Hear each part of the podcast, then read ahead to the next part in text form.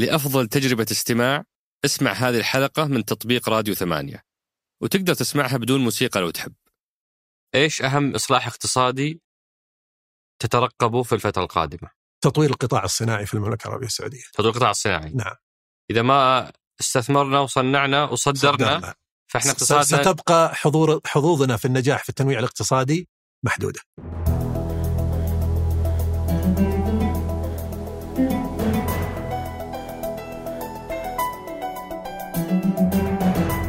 هذا سقراط من إذاعة ثمانية وأنا عمر الجريسي أستضيف قادة التحول وأحاورهم حول رحلتهم في تحقيق أهداف رؤية السعودية 2030 ضيف حلقتنا اليوم هو الأستاذ عبد العزيز الرشيد مساعد وزير المالية للسياسات المالية الكلية والعلاقات الدولية هذه الحلقة أقدر أعتبرها مرجع اقتصادي لأي أحد حاب يفهم قصة التحول الاقتصادي السعودية وين كنا؟ إيش المشاكل في النموذج السابق؟ وين رايحين؟ آه، إيش أهم ما تحقق حتى الآن في الوجهة اللي إحنا رايحين لها؟ آه، كانت البداية بفهم هذه الوكالات، ليش في في وزارة المالية وكالة علاقات دولية وشيء مرتبط بالاقتصاد؟ آه، تخيلت هذه الأشياء مفترض انها في وزارة الخارجية ووزارة الاقتصاد. آه، ليش هذه الأشياء موجودة في وزارة المالية؟ وبعد ذلك دخلنا في حكاية التحول، فهمنا إيش هو نموذج الاقتصاد السعودي؟ وبعد ذلك فهمنا إيش التحديات اللي موجودة فيه. تحدثنا عن التقارير والملاحظات اللي سجلها صندوق النقد الدولي آه، في مشاورات المادة الرابعة اللي عادة هي أبحاث سنوية أو أو تقارير سنوية يقيمون فيها أداء الاقتصاد بشكل عام. بعد ذلك دخلنا في مجموعة من أسئلة آه، أصدقاء سقراط اللي اكرمونا فيها مثل سؤال هل الدين الضخم اللي وصلنا له اليوم مقلق آه، ولا إحنا في مستويات معقولة؟ هل لو خفضنا ضريبة القيمة المضافة وحطينا ضريبة السلع الثمينة بتحل مشكلة التضخم؟ هل التضخم بسبب ضريبة القيمة المضافة؟ آه وغيرها من أسئلتكم الثمينة. أترككم مع الحوار. حياك الله أبو متعب شرفتنا ونورتنا. الله يحييك ويبقيك شكرا جزيلا أبو متعب آه، يعني ما هو ما هو بالنسبة لي مفاجئ إنه أعرف آه، آه، شخص في السعودية وتحديدا من نجد إنه مهتم بالبر وبال آه، وبال وبال يعني المقناص وال- وال- وهذا النوع من الهوايات. بس المفاجأة إنه هذه الهواية تمارس في أستراليا. أي. هذه جديدة علي الكشتات في أستراليا. أي. وش قصة كشتة أستراليا؟ والله يعني آه، موضوع قديم في التسعينات كان آه، أنا أهوى مثل ما تفضلت أهوى الطلعات والروحات وكذا وكان عندي رغبة إني يعني أجرب شيء جديد وحصل إني سافرت لأستراليا بعد يعني فترة طويلة من البحث وخلينا نقول استكشاف عن بعد من خلال القراءة وغيرها بذيك الأيام حتى ما كان في إنترنت فسافرت بعد ما عشقتها عن بعد وسافرت رحلتين وكانت يعني رحلات طويلة عبر الصحاري الأسترالية بس أنا خبر الناس. مثلا يروحون السودان، يروحون. الجزائر في الدهنه، إيه. لكن أستراليا يعني وش اللي جاب الفكرة؟ ال- ال- الفكرة يم- يمكن لأن الصحراء الأسترالية هي من أقل الصحاري آه، سكنى يعني خالية هم عندهم. صحاري أصلا جدا آه، معظم مساحة أستراليا آه، صحاري فهي خالية جدا وبالتالي يعني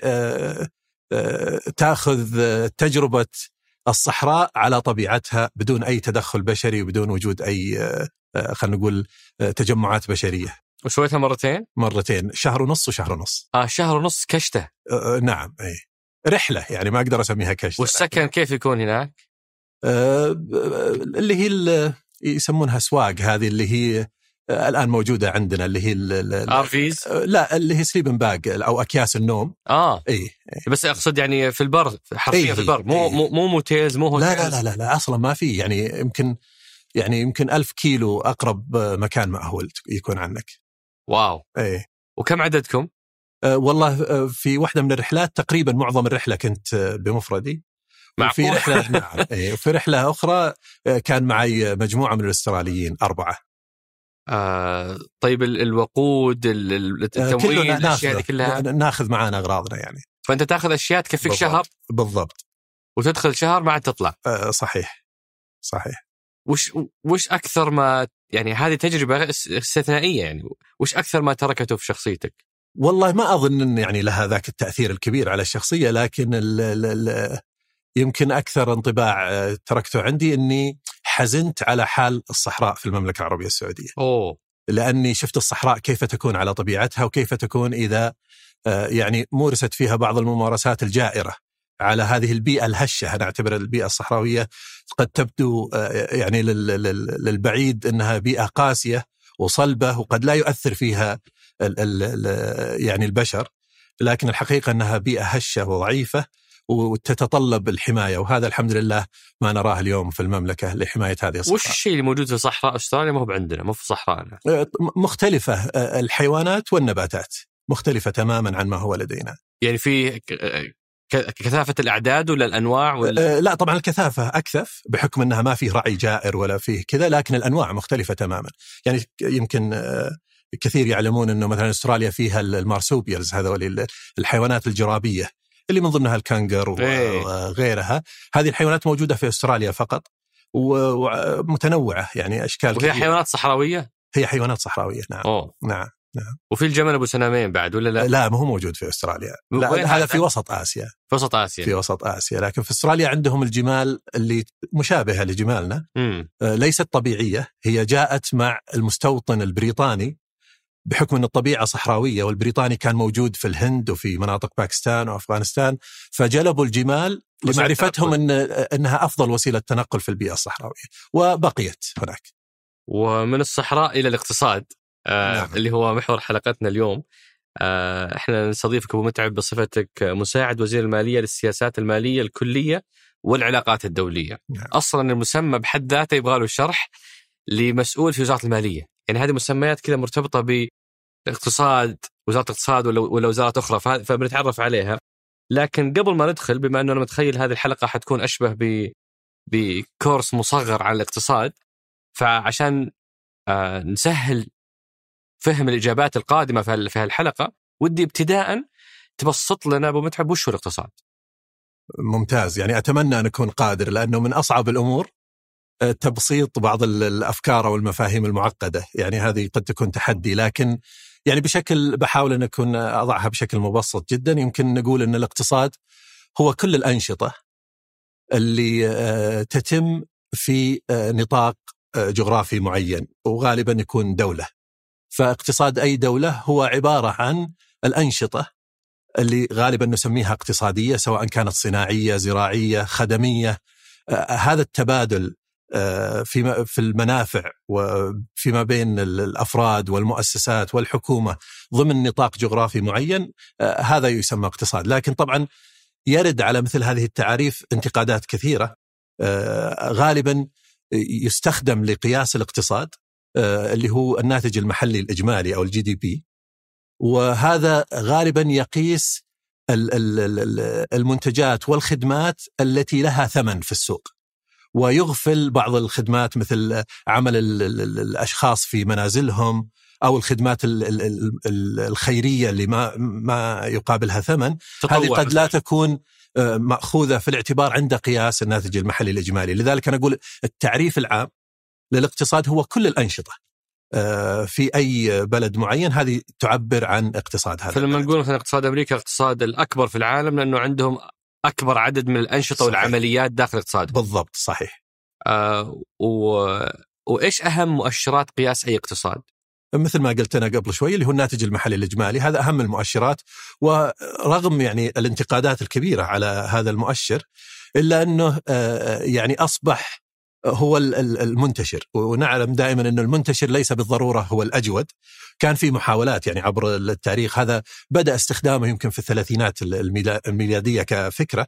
ولكن انتشر وأصبح هو المعيار الأساسي لقياس النمو الاقتصادي والمقارنة بين الدول لأنه يعتمد على معايير حسابية معينة تمكنك من القياس بين دولة وأخرى.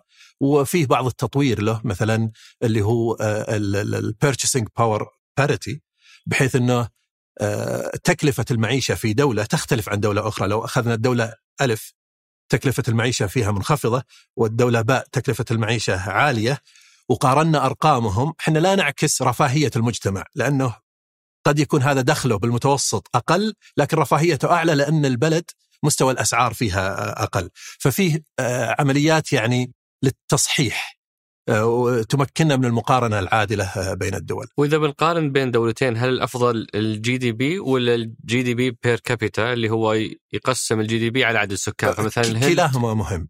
حتلاقي عدد ال GDP ضخم جدا صحيح بس عدد سكان ضخم فنصيب صحيح. الفرد يصير كلاهما مهم في تعاملات الدولة مع الخارج اللي هم آه، حجم اقتصادها.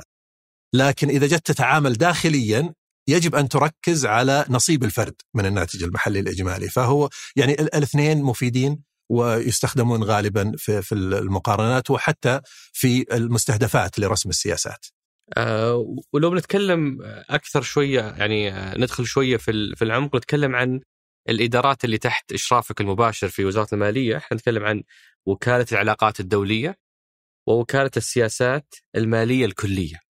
وفي زائد مهمة إضافية اللي هي الشرب السعودي نعم. ضمن مجموعة العشرين بس خلينا نتكلم عن الوكالتين الأولى مالية توقعت إنه شيء داخلي وش دخلكم في العلاقات الدولية؟ آه لا يعني هذا يمكن مفهوم أو أو انطباع آه قد يكون خاطئ آه وزارة المالية ليس في المملكة العربية السعودية آه فقط لكن على مستوى آه، دول العالم كلها يمكن تأتي كثاني أهم وزارة بعد وزارات الخارجية فيما يتعلق بالعلاقات الدولية، لأن العلاقات الدولية يعني تنقسم إلى قسمين رئيسيين إذا بن يعني نصنفها بهذا الشكل، القسم الأول يتعلق بالجانب الدبلوماسي السياسي وهذا غالبا تتولاه وزارات الخارجية في الدول. فيه شق ثاني اللي هو العلاقات المالية والاقتصادية آه، في وزارات أو جهات حكومية كثير تمارس هذا العمل مثلا وزارة التجارة وزارة الاستثمار في الدول أقصد عموما وليس في المملكة فقط لكن غالبا آه، الجانب المتعلق بالسياسات وتنسيق السياسات بين الدول على مستوى الاقتصاد الدولي والمالية العالمية غالبا تتولاه في مثل الاجتماعات الدولية تتولاه وزارات المالية بالتنسيق مع الجهات الأخرى داخل آه، كل بلد. فهذا موجود في كل وزاره المالية. بالضبط يعني دائما وزارة المالية آه، عملها الخارجي آه، يمكن لا يفوقه إلا عمل وزارات الخارجية في الدول. طيب أجل وش فرقكم عن وزارة الاقتصاد والتخطيط؟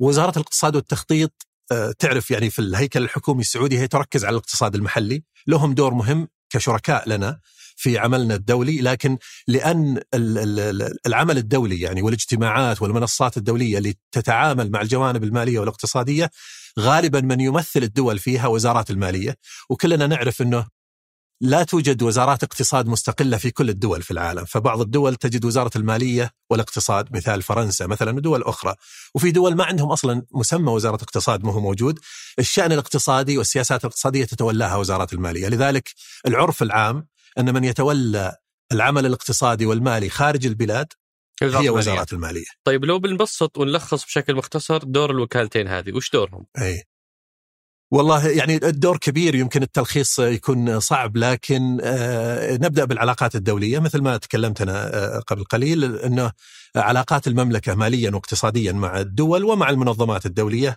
غالبا يتم أو آه، يتم التعامل معه من خلال وزارة المالية بالتنسيق مع الجهات الأخرى.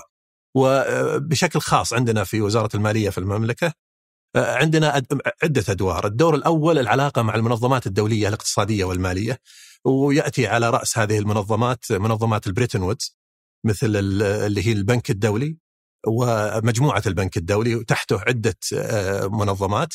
وصندوق النقد الدولي. وكذلك يمكن أحد المجالات المهمة في هذا المجال ليست منظمة ولكن كمنصة للحوار والتفاهم الدولي اللي هي مجموعة العشرين. كذلك فيها مسار مالي وهو الأصل في مجموعة العشرين تتولاه وزارة المالية. في جانب ثاني اللي هو العلاقات الثنائية. آه، ماليا واقتصاديا. فمثلا العلاقات التجارية العلاقات الدعم التنموي آه، علاقات تبادل المعرفة وتنسيق السياسات في الشأن المالي والاقتصادي غالبا تتولى المهمة فيها آه، وزارة المالية بالتنسيق في الشأن التجاري مثلا مع هيئة التجارة الخارجية في شأن تنسيق بعض الأمور المتعلقة بالصناعة مع وزارة الصناعة وغيرها من الجهات الحكومية. هذا قلنا فيه منظمات فيه علاقات ثنائية وكذلك في جزء مهم جدا اللي هو الدعم التنموي، المملكة كما نعلم ومثل ما تظهر الأرقام من أعلى الدول آه، في تقديم المساعدات التنموية حق 2021 ظهر إحنا الدولة الثالثة على مستوى العالم. صحيح. وبالتالي يعني هذا الحجم يتطلب يعني إدارة. ونعرف أنه عندنا أذرع كثيرة تعمل في هذا المجال لكن غالبا وزارة المالية هي من ينسق هذا العمل ويشرف عليه. هذه وكالة العلاقات الدولية. هذه وكالة العلاقات الدولية. وكالة السياسات المالية الكلية. وكالة السياسات المالية الكلية وكالة جديدة حديثة، يعني يمكن في عام 17 أسست على شكل وحدة. يعني ما كانت على مستوى وكالة وكان الأصل فيها آه، هو آه، الاستجابة لتوصية آه، رأت المملكة أنها مهمة من صندوق النقد الدولي.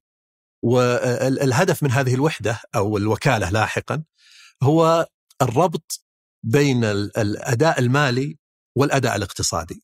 هذا المزج بين البعدين كان أهم أدوار هذه الوحدة ومن جانب آخر أن تكون تنظر لموضوع الاستدامة آه، كاستدامة مالية واستدامة اقتصادية. وش الفرق بين الأداء المالي والأداء الاقتصادي؟ وهذا أيضا يذكرني بسؤال قديم وش الفرق بين أزمة مالية وأزمة اقتصادية؟ أي نعم، الأزمة أو خلينا نتكلم عن أول شيء عن الأداء. الأداء المالي المتعلق بالمالية العامة للدولة. يعني آه، إنفاقها، إيراداتها، الاحتياطي، آه، قدرتها على الاقتراض من الأسواق المالية العالمية أو المحلية، فهذا أداء مالي، لكن إن أردت أن تحقق كامل أهدافك المالية قد يكون هذا أو مو قد يكون دائما يكون على حساب مستهدفات اقتصادية. وبالتالي النظرة المزدوجة هذه لتحقيق التوازن بين المستهدفات المالية وضمان الاستدامة المالية وتحقيق النمو الاقتصادي المنشود آه، لابد أن تكون يعني حاضرة. هذا كلام ما كان الموضوع اسف إيه. مرة معقد الكلام هذا. خلينا نبسطه إيه. ونضرب مثال كيف ممكن شيء مالي لو صار يؤثر بشكل سلبي أيه. على الاقتصاد. يعني مثلا لو آه، سيكون الوضع مريح جدا لمن يتولى إدارة المالية العامة ها أن يكون العجز دائما صفري. آه، وأننا لا ننفق أي ريال يتجاوز قدرتنا من جهة الإيرادات. هذا سيحقق لي استدامة مالية. لن أقترض ولن يكون عندي عجز لكن ما هو الأثر على الاقتصاد؟ لذلك هذه الفكرة. يعني بالتالي لأمكن الاقتصاد من النمو ويعني آه، آه، استمرار الأنشطة الاقتصادية لابد من مستوى إنفاق حكومي معين بغض النظر عن الخدمات الأساسية. فهذا المستوى آه، لا يتحقق بانفاق على مستوى الإيرادات فقط يتطلب تجاوز هذه الإيرادات. من منظور مالي الاقتراض أو العجز بشكل عام سلبي لكن إذا وازنته مع المكسب الاقتصادي هذه العملية اللي غالبا وكالة السياسات المالية الكلية لديها هذا المنظور اللي لم يكن يمكن مكتمل التشكيل في السابق وهذه الإضافة الجديدة اللي جعلت هذه الوحدة تتطور إلى أن تصبح وكالة وتعمل مع شركائها سواء داخل وزارة المالية أو خارج وزارة المالية وعلى رأسهم طبعا فهي اللي ما بين الأداء المالي والأداء الاقتصادي. بالضبط بالضبط. ولو نرجع لمثال مثلا 2016 أو 2015 عفوا 2015 إيرادات النفط نزلت 50% نعم. فهي مثلا في 2014 جانا 900 مليار من النفط. نعم. 2015 جانا 450 مليار من النفط. هذا الهبوط الحاد جدا لأن إحنا دولة معتمدة على إيرادات النفط. الأداء المالي الصحيح اللي بيخلي المسؤول المالي مبسوط إنه ينزل مصروفاتك للنص. صحيح صحيح. بس وقتها ما ما حيكون في مشاريع حتتخفض الرواتب للنص حتصير كل الإجراءات اللي هي مرتبطة بإنه كل ريال انصرف ينزل للنص. نعم. لكن هذا أثر الاقتصادي مكلف جدا. جدا. البطالة حتزيد القوة الشرائية حت حتتدهور وحتصير عندنا صحيح. أزمة ضخمة يعني. أزمة كبيرة. فالاداء الاقتصادي الجيد إنك أنت تقترض ولا تستخدم مدخراتك عشان تحافظ على إنفاقك السابق وهذا لا يعني أداء مالي سلبي لكن أداء اقتصادي جيد. بالضبط. أي. هذا هذا بالضبط اللي اللي يحصل لكن مع الأخذ في الاعتبار إنك لا تغلب أحدهما على الآخر. كيف توازن ما بينهم؟ كيف توازن فيما بينهم؟ ان أن تكون ال ال ال الأضرار المالية إذا سميناها أضرار أو الجانب السلبي ماليا يوجد مقابله جانب إيجابي يوازيه أو يتفوق عليه اقتصاديا، فهذه العملية، الشيء الثاني إنه في حدود يعني أنت لا تستطيع ان أن آه، تستمر بحالة عجز لسنوات طويلة لأنه آه، قدرتك على الاقتراض آه، تتناقص مع الوقت من من جهة تصنيفك الائتماني والنظرة المستقبلية لأدائك إذا استمر بهذا الحال لذلك لابد يعني أن يكون الإنفاق مرتبط بالمنظور المتعلق بالاستدامة المالية وقدرة قدرة على الاستدامة المالية وفي نفس الوقت آه، آه، استدامة الأداء الاقتصادي وتحقيق النمو الاقتصادي.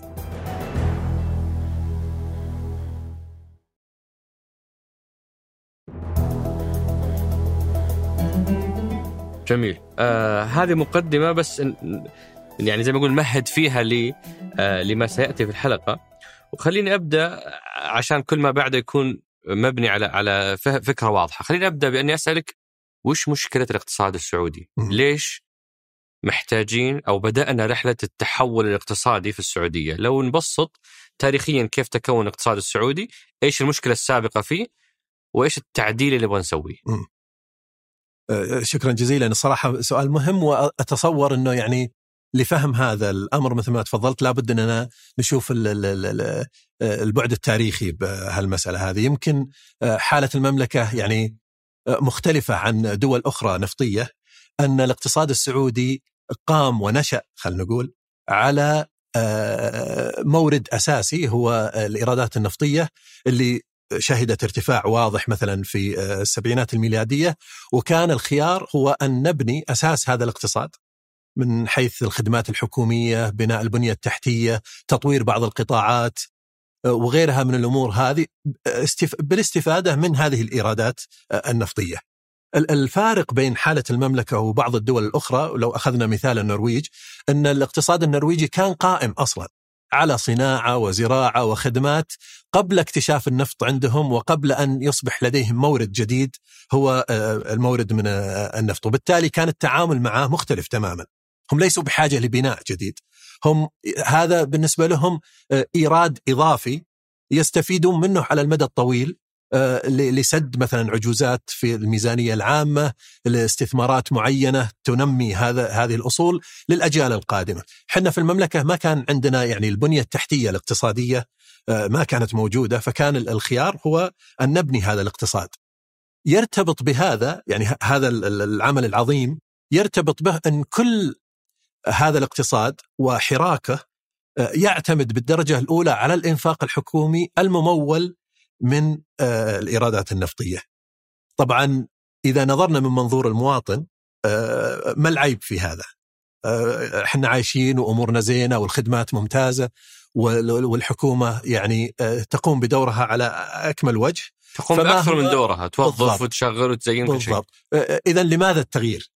إذا كانت الأمور بهذا الشكل المشكلة في هذا النموذج إنه غير قابل للاستمرار لأسباب عديدة قد يكون من من ضمنها أن حجم الاقتصاد يكبر ويمكن لو نأخذ مثال نفخ البالون مثلا ها؟ لو أكيد قد نفخت بالون ها؟ في البداية فقعت في وجهي. في البداية النفخه أنت يعني حجم رئتك أو الهواء اللي يخرج من رئتك متساوي. إذا في النفخة الأولى والثانية شوف تلاحظ الفرق في حجم البالون. في الأخير تنفخ وتحس إنه كأنه ما ما يتغير. ليش؟ لأنه قدرة هذا الضخ اللي يجي نسبة إلى حجم الاقتصاد تقل تدريجيا إلى حجم البالون في مثالنا. وبالتالي السؤال هل آه، الإيرادات النفطية وقدرتنا على الإنتاج والتصدير ستستمر إلى الأبد؟ ننمو وبالتالي ينمو الاقتصاد تبعا لهذا؟ آه، طبعا الواقع يقول غير ذلك. آه، القدرة على الإنتاج مهما استثمرت محدودة. القدرة على التصدير في ظل تنافس دولي كذلك محدودة. هل نرغب أنه نبقي الاقتصاد؟ يعني نحط له كذا سقف نقول اذا لن ننمو أكثر من هذا. طيب المواطنين أعداد البشر اللي في هذا الاقتصاد يزدادون من أين تتاح لهم فرص سواء عمل أو استثمار؟ فربط النمو الاقتصادي بإنفاق حكومي ممول من الإيرادات النفطية يضع سقف لهذا الاقتصاد. وكلنا نعلم أننا إحنا طموحنا أكبر بكثير من هذا السقف. وهنا تأتي الفكرة أنه القدرة على الاستدامة والاستمرار في النمو آه، يقيدها آه، محدودية آه، النمو في الإيرادات النفطية، هذا واحد، الشيء الثاني كلنا نشهد اليوم التغير في السياسات الاقتصادية محافظة على المناخ. والحد من تأثيرات التغير المناخي وهذه أوجدت سياسات على مستوى العالم للتوجه إلى الطاقة البديلة. هذا يعني أن نمو الطلب على ما تنتجه تدريجيا سينخفض يعني على مدى طويل إذا نتكلم عن عن مدى طويل. هذه العوامل بالإضافة إلى احتمالية كذلك أنه هذا هذا المورد مع سياسات المحافظة على المناخ قد تكون قيمته وقدرتك على بيعه في الأسواق أقل وبالتالي ليس فقط سقف هذا السقف قد ينخفض ولن يبقى حتى عند مستواه قد ينخفض. ويمكن هذه النظرة موجودة من قديم يعني يمكن مع بدايات التخطيط الاقتصادي في المملكة من بدايات السبعينات كان أحد أحد أهم المستهدفات هو التنوع الاقتصادي لأن من كان يخطط في حينها عنده هذه النظرة البعيدة أنه لا يمكن الاستمرار في الاعتماد الكامل على الإيرادات النفطية. وهل هذا يفسر ليش أنه حجم الاقتصاد السعودي تضاعف مرات كثيرة لكن نصيب الفرد من الناتج المحلي ثابت.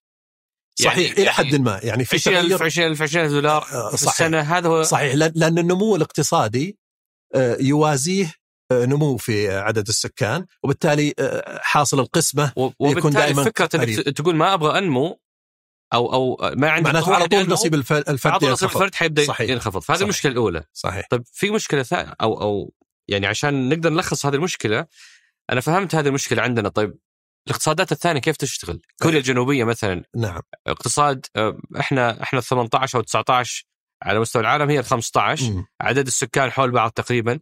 اشرح لي ليش ما عندهم مشكلة وإحنا عندنا هذه المشكلة. لأن النمو يعني إحنا يجب أن لا نكتفي ب يعني الرضا بأننا حققنا نمو. النمو يجب أن يعني نحكم عليه من خلال معرفة ما هو المحرك لهذا النمو. عندنا في المملكة عبر السنين الماضية يعني بدرجة كبيرة جدا. المحرك للنمو الاقتصادي هو الإنفاق الحكومي الممول من إيرادات نفطية. إذا أخذنا مثال كوريا النمو فيها يحركه زيادة في الإنتاجية على مستوى الفرد ضمن الاقتصاد. شلون؟ يعني ال ال مع تبني تقنيات كلنا نعرف كوريا مثلا بدأت في الستينات الحراك للتحول الاقتصادي في كوريا وتحولها من قطاع زراعي خلينا نقول تقليدي إلى قطاع صناعي متقدم. فكوريا عملت وأمثلة غير كوريا كثير يعني حتى بعضها نشاهدها اليوم مثل فيتنام وغيرها.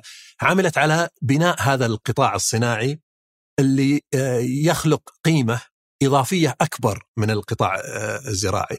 بدأوا في البداية بتطوير القطاع الزراعي بحيث أن المزارع يكون لديه فائض. يعني ينتج يستهلك يبيع يحتفظ بفائض يستطيع من خلاله إنه يودع مبالغ في البنوك. هذه المبالغ أو يشتري سلع. هذا خلق طلب في الاقتصاد يمكن الصناعة من إنها تتطور لتقديم الخدمة أو المنتج لهذا الطلب، هذا في البداية على المستوى المحلي. فكان في استقطاب لشركات بعضها ياباني لتطوير صناعات محلية في كوريا وكانوا اختاروا يعني عدة خيارات كان يمكن من أهمها اللي نشهده اليوم صناعة السيارات على سبيل المثال والأجهزة الإلكترونية. هذه الصناعة إنتاج الفرد في هذه المصانع كان الهدف إنه كان يشتغل في المزرعة يمكن إنتاجه على مدى العام قيمته مثلا ألف دولار إذا تحول واستخدم الآلات والتقنية الجديدة قيمة ما ينتجه في هذا المصنع خمسة ألاف دولار وليست ألف. ومع التقدم التقني والتطوير الخمسة تصير ستة وتصير سبعة وبالتالي هذا النمو ليس من خلال نمو عائدات من مورد طبيعي وإنما من زيادة الإنتاجية للفرد الكوري. وهذا الفارق الكبير. لذلك في دولة ما تنمو 2% ينمو الاقتصاد فيها 2% ولكن المحرك لهذا النمو هو زيادة في الإنتاجية ها؟ هذه يعني تصنف أنها ناجحة أنها حققت زيادة في الإنتاجية. دولة أخرى قد تنمو 5 أو 6% لكن محرك هذا النمو إنها استنفدت مورد طبيعي عندها وباعته وبعدين حركت الاقتصاد بإيرادات هذا المورد.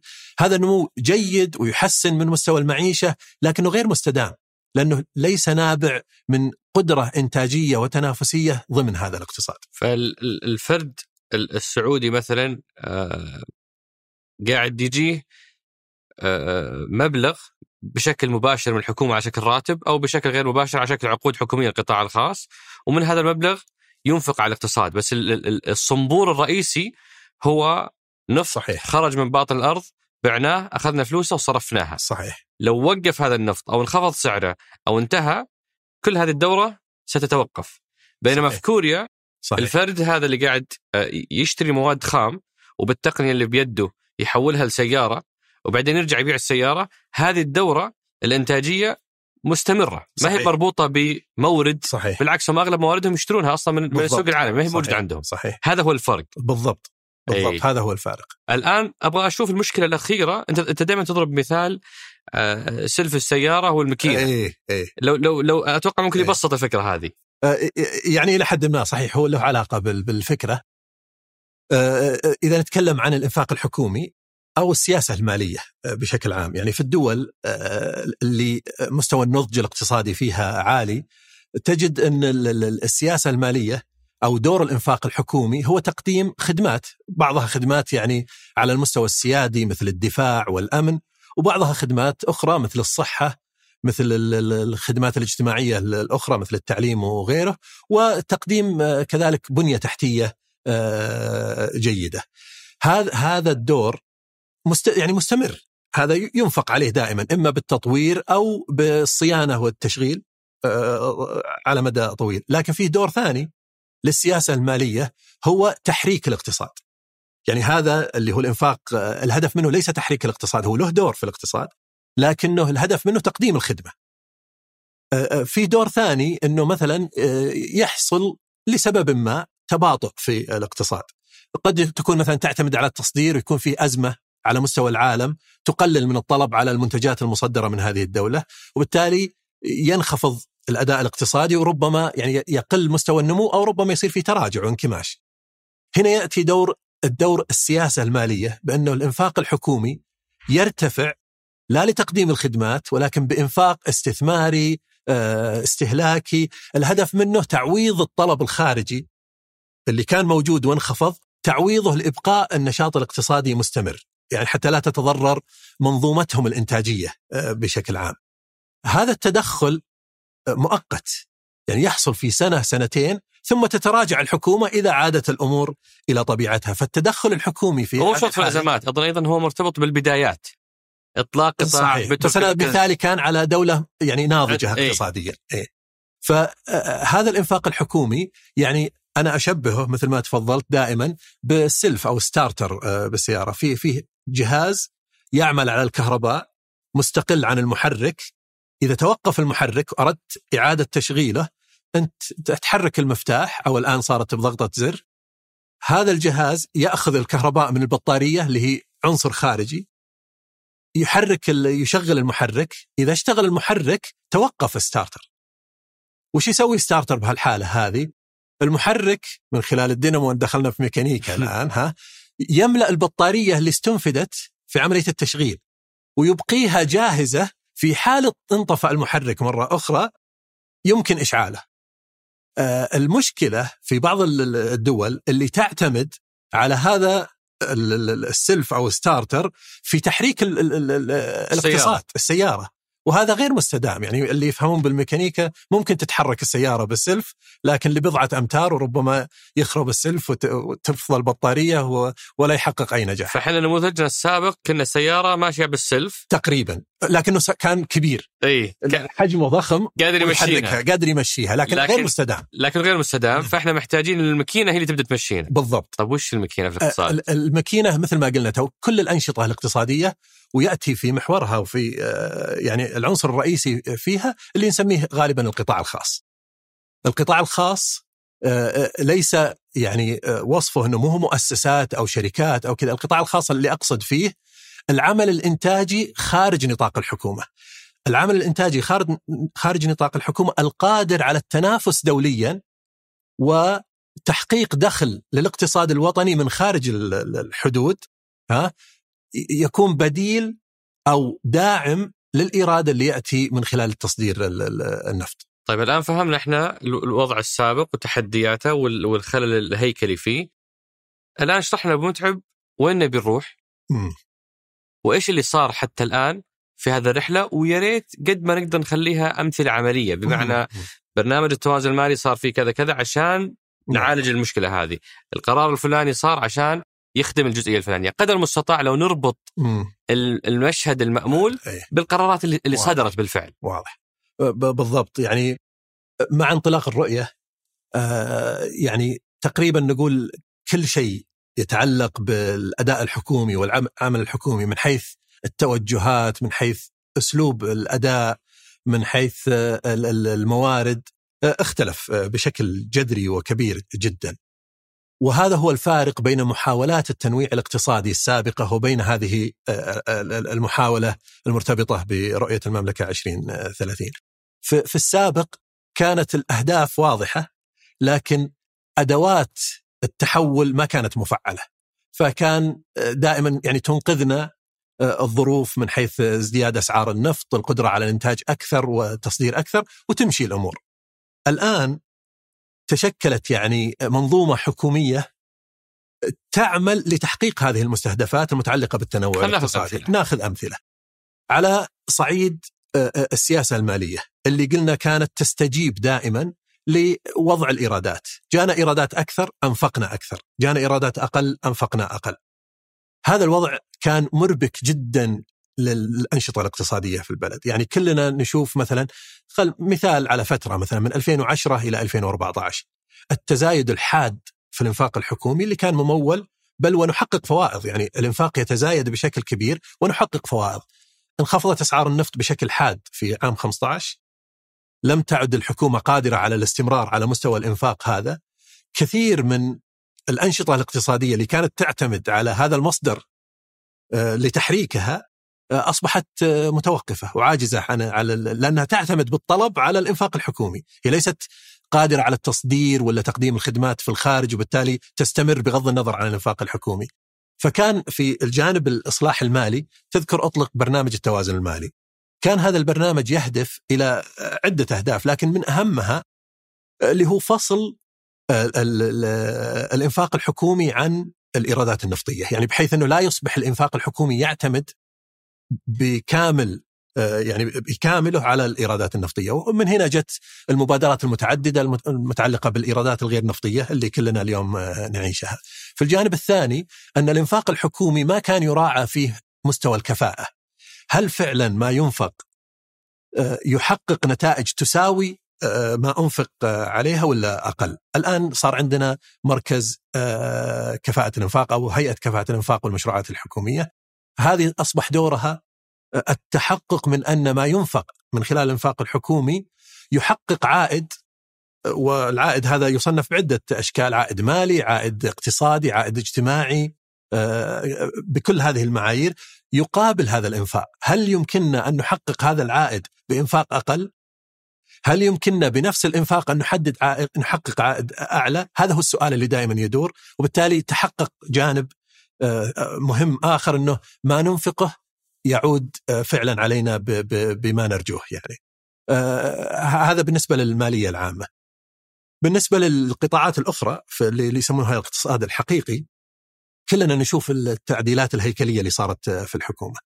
أنا في عندي يعني يمكن إذا بختصر آه، فكرة التنوع الاقتصادي آه، آه، خلينا نقول بشكل مختصر فيه سلسلة ثلاثية أنا دائما أتحدث عنها اللي هي الاستثمار في التصنيع من أجل التصدير. خلينا ناخذ الأجزاء السلسلة الثلاث هذه ونتكلم عنها. الاستثمار كلنا نرى فيه يعني جهود سابقة من خلال هيئة الاستثمار، كان عندنا وزارة التجارة والاستثمار، إفراد الاستثمار بوزارة مستقلة الهدف منه هو جذب الاستثمار من الخارج وتمكين الاستثمار محلي للاستثمار في أنشطة إنتاجية ويأتي على رأسها النشاط الصناعي اللي يحقق قيمة مضافة أعلى. اذا الاستثمار في حراك حكومي للتركيز على موضوع الاستثمار.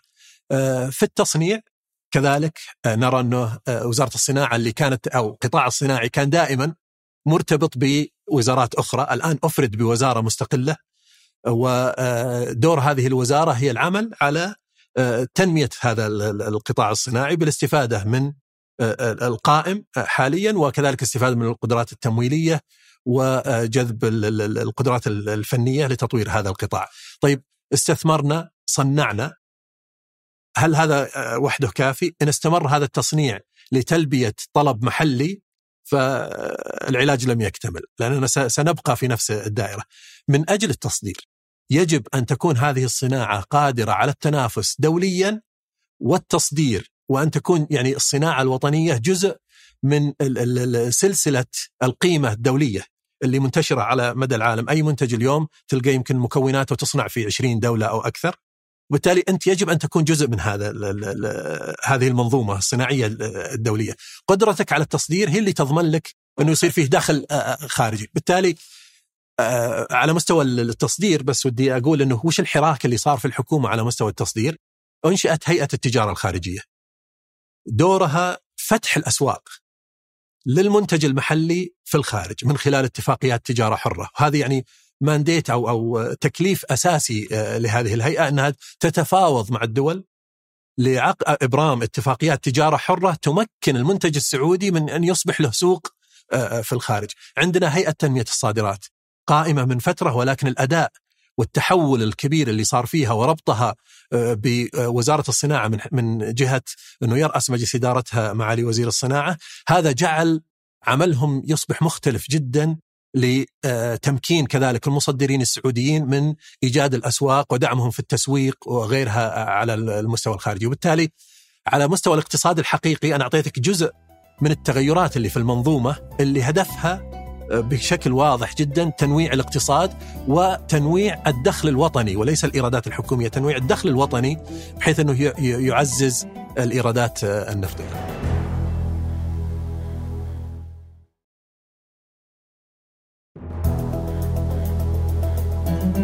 هذه مرة مهمة أبو متعب لأن دائما اللي نسمعه هو تنويع الاقتصاد، تنويع الاقتصاد. بس اللي نشوفه ونلامسه هو آه إيرادات غير نفطية اللي هي عبارة عن رسوم ضرائب مداخيل للحكومة من من الأفراد والمنشآت. نعم. ف, ف يعني وين وين تنويع الاقتصاد إذا كان مثلا إيراداتنا غير نفطية كلها ضرائب ورسوم بهذا الشكل لا لازم نميز بين يعني مفهومين الدخل والإيراد الإيراد دائما مرتبط بالمالية العامة وإذا قلنا تنويع الإيرادات هي تنويع مصادر الإيراد للمالية العامة. إذا قلنا تنويع الاقتصاد أو تنويع الدخل تنويع الدخل المقصود فيه الدخل على مستوى الاقتصاد الوطني ليس الحكومة فقط. ما يدخل من الخارج إلى الاقتصاد الوطني تنويعه، الآن ما يدخل إلى درجة كبيرة هو يعني ثمن ما نصدره من نفط. لكن تخيل إذا صار عندنا صناعة قادرة على التنافس خارجيا بتصير تصدر ويأتينا دخل فالتمييز بين الاثنين مهم جدا. في البداية تكلمنا عن التوازن يوم تكلمنا عن وكالة السياسات المالية الكلية، التوازن بين الجانب المالي والاقتصادي. بما أن الاقتصاد الوطني تاريخيا وحتى الآن لم يتحقق فيه التنويع الاقتصادي إحنا في الخطوات الأولى لهذا التنويع لابد من المحافظة على المالية العامة لتستمر في قدرتها على تحريك الاقتصاد. وضمان يعني مستوى معيشي معين، ضمان تقديم خدمات على مستوى معين للمواطنين. المالية العامة مع نمو الاقتصاد، زيادة عدد السكان لا تستطيع بالاعتماد على الإيرادات النفطية أن تقدم هذه الخدمات بالمستوى اللي يليق. وبالتالي لابد من دعم المالية ولو كان يعني نسبيا على حساب الاقتصاد مؤقتا إلى أن يتمكن هذا الاقتصاد من تحقيق التنوع وهنا يعني عنصر مهم جدا إنه دائما يعني في حواراتنا دائما يعني الانطباع إنه أي مستهدفات اقتصادية دائما يتوقع الكثير إنه هذه مسؤولية حكومية فقط. وهي في الحقيقة مسؤولية مشتركة من الجميع، يعني ما لم نكن جميعا قطاع خاص، حكومي، أفراد يعني مقتنعين ومتبنين لفكرة التنويع الاقتصادي فهي لن تتحقق بجهد حكومي فقط. ما تحقق في تنويع الإيرادات هو لضمان استدامة المالية العامة اللي هي ما زالت شايله الاقتصاد شايلة الاقتصاد. فضمان استدامتها شرط لقدرتنا على أي إجراء لاحق نبغى نسويه في اقتصادنا وفي هذه الحالة التنويع الاقتصادي، وهنا آه، تأتي فكرة آه، آه، كفاءة الأداء، يعني إذا إحنا تكلمنا قبل شوي عن رفع مستوى كفاءة الأداء على المستوى الحكومي ما زال على مستوى الاقتصاد ككل كفاءة الأداء منخفضة. والسبب إنه يعني خلينا نقول إعتاد على ممارسات ريعية إلى آه، درجة كبيرة، فالتحول إلى ممارسات فيها الإنتاجية أعلى والقدرة على التنافس أعلى تتطلب وقت، لكن اللي بس نحتاجه الآن إنه مفهوم هذه الشراكة يكون موجود ونبدأ بتفعيلها. واضح آه، قياس تنويع إيرادات الحكومة سهل إن نقيسه بإنه في نسبة الإيرادات غير النفطيه. نعم. هذا سهل يقاس. نعم. طيب كيف أقيس تنوع الاقتصاد عشان أعرف اليوم نحن وين وين إيه. ماشيين في المسار؟ أه تنوع صادراتنا اليوم كم نسبة الصادرات تنوع؟ النفطية وكم نسبة الصادرات غير والله نفطية؟ الآن لا يحضرني الرقم لكن النسبة الأعلى آه، هي الصادرات النفطية وما آه، الغير نفطية ما زالت يعني تشكل جزء أقل من الصادرات النفطية لكن الهدف هو زيادة الصادرات الغير نفطية وتنويعها وهذا هو المهم حتى لا تكون منكشف يعني أنت لو لو تحولت من النفط التعدين إلى مثلا تعدين. فأنت منكشف سواء هنا أو هنا لكن التنويع بزيادة التعقيد في صادراتك. طيب. يعني لو جيت مثلا شفت قائمة الصادرات الكورية ستجد إنها منوعة بشكل عجيب. وإذا قارنتها بالصادرات السعودية أو بعض أو الدول الأخرى المصدرة للنفط بدرجة كبيرة ستجد أن نسبة كبيرة تمثل نفط خام وبالتالي هو اكسبوجر أو تعرض لأي آه، صدمات تأتي من هذا السوق؟ وإحنا عندنا آه، هل تذكر إيش أهم بنود الصادرات غير النفطية عندنا؟ آه، طبعا البتروكيماويات أو يعني الأعمال المصب بدرجة كبيرة اللي هو تحويل النفط إلى منتجات بتروكيماويه، لكن مع الأخذ في الاعتبار إنه ما زالت صادراتنا من المواد البتروكيماويه هي تعتبر صناعات أساسية، هي ليست معقدة، هي عمل مواد خام؟ تحول من مادة خام اللي هي الغاز أو البترول مادة أولية. إلى مادة أولية. باقيه هي مادة أولية. اللي نحتاجه عشان كذا أنا ركزت على الصناعة وبخصص هنا الصناعة التحويلية اللي تضيف قيمة أعلى بكثير للمنتج بحيث إنه الدخل يكون أعلى والقدرة على التنافس هل هدفنا في 2030 هو 50% صادرات غير نفطية؟ الهدف المعلن في آه، رؤية المملكة 2030 هو أن يعني تزيد الصادرات الغير نفطية من نسبة 16% آه، منسوبة يعني حجم الصادرات الغير نفطية إلى الناتج المحلي الإجمالي غير النفطي من 16% إلى 50% طيب هذه كيف تبسطها لنا؟ آه 16% اليوم هذا واقعنا اليوم نعم 16% من إيش جاية؟ آه اللي هي حجم صادراتنا غير النفطية قيمتها أي؟ كم كانت قيمة هذه الصادرات؟ الناتج المحلي أو الاقتصاد الوطني السعودي نصنفه إلى صنفين. ناتج نفطي وناتج غير نفطي. الناتج النفطي اللي هو يتحقق بالإنتاج والتصدير من النفط. الناتج غير النفطي هي الأنشطة الأخرى الغير نفطية سواء كانت حكومية أو خاصة. فهذا الجزء هو اللي يهمنا أكثر أننا ننميه. هذا الجزء ننسب إليه عدد من الأرقام لأنه نسبتها إلى الناتج الإجمالي إلى حد ما فيها شيء من خلينا نقول آه، آه، الخطأ لأنك أنت تنسب إلى قطاع مستقل ولا يعني آه، يمثل رغبتك في تنويع الاقتصاد. فإذا نسبنا قيمة صادراتنا غير النفطية اللي هي مليون إلى الرقم اللي هو الناتج المحلي غير النفطي تطلع النتيجة 16%. اي هذه النسبة المستهدف أنها ترتفع إلى 50% إلى 50% فمعناته إن هذه النسبة من من الناتج المحلي الإجمالي حتكون أصغر بكثير من ذلك. اذا اذا إذا اعتبرنا إذا حسبنا النفط. ال 16 قصدك؟ إي. إي طبعا. حتكون أصغر. وحتى 50% لاحقا حتكون أصغر. صحيح. لكن هو الهدف هو ال 50% وهذا يعتبر طبعا نقلة كبيرة بتكون يعني تحدي كبير. الانتقال من 16 إلى 50 لكن ما يساهم كذلك فيها اللي هي العمليات اللوجستية المتعلقة بإعادة التصدير. يعني الصادرات الغير نفطية تشمل الصادرات من منتج محلي يصدر إلى الخارج والصادرات اللي تصنف بالمصطلح التجاري إعادة تصدير. يعني سلعة وردت للمملكة صار عليها إجراء محدود وأعيد تصديرها. فالمنتج المحلي وإعادة التصدير إجمالي هذه ومتى يكون عندنا إعادة تصدير أكثر؟ إذا كان عندنا مناطق لوجستية متطورة، صار عندنا موانئ، مناطق إيداع أكثر، هذه تجعل المملكة يعني خلينا نقول يعني كجزء من الرؤية مركز لوجستي مهم يمكن من زيادة إعادة التصدير وبالتالي إجمالي إعادة التصدير مع الصادرات الوطنية تكون 50% من الناتج المحلي الإجمالي غير النفطي. ودي أعرف إحنا في يعني متجهين إلى وين؟